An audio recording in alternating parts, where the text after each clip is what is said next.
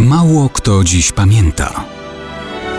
Datownik historyczny prezentuje Maciej Korkuć. Mało kto dziś pamięta, że wczoraj minęła rocznica 30 października 1922 roku, kiedy Italia zapoznała się ze swoim nowym premierem. Nazywał się on Benito Amilcare Andrea Mussolini. Człowiek, który do swojej na wskroś socjalistycznej mentalności dodał co nieco politycznego programu prawicy i stworzył nową jakość polityczną, stając na czele Narodowej Partii faszystowskiej. Mussolini był synem nauczycielki i prostego kowala. Nie miał jeszcze nawet 20 lat, kiedy związał się z ruchem socjalistycznym. Wykorzystywał swoje zdolności dziennikarskie jako szef redakcji postępowego, a jakże włoskiego dziennika socjalistów Avanti. To on w redakcji decydował o środkach i sile lewicowego przekazu w mediach. 1914 rok i wybuch europejskiej wojny skorygował nieco jego poglądy na temat międzynarodowej solidarności.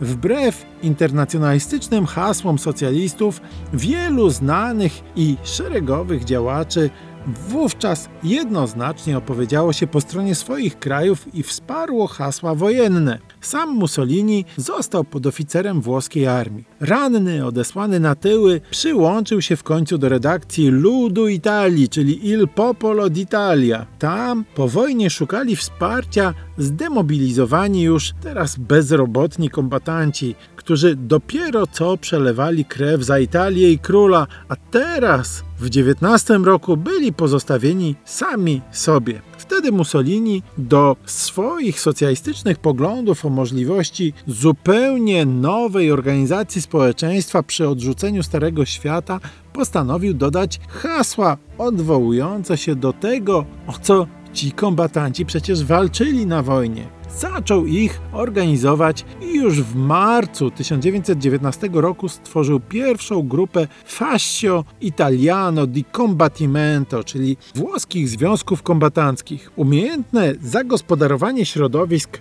robotniczych i kombatanckich otworzyło mu drogę do władzy już pod nazwą Il Partito Nazionale Fascista, a za Alpami pewien brunet z wąsikiem z zachwytem to wszystko obserwował i wymyślał, jak tu wziąć przykład z Mussoliniego.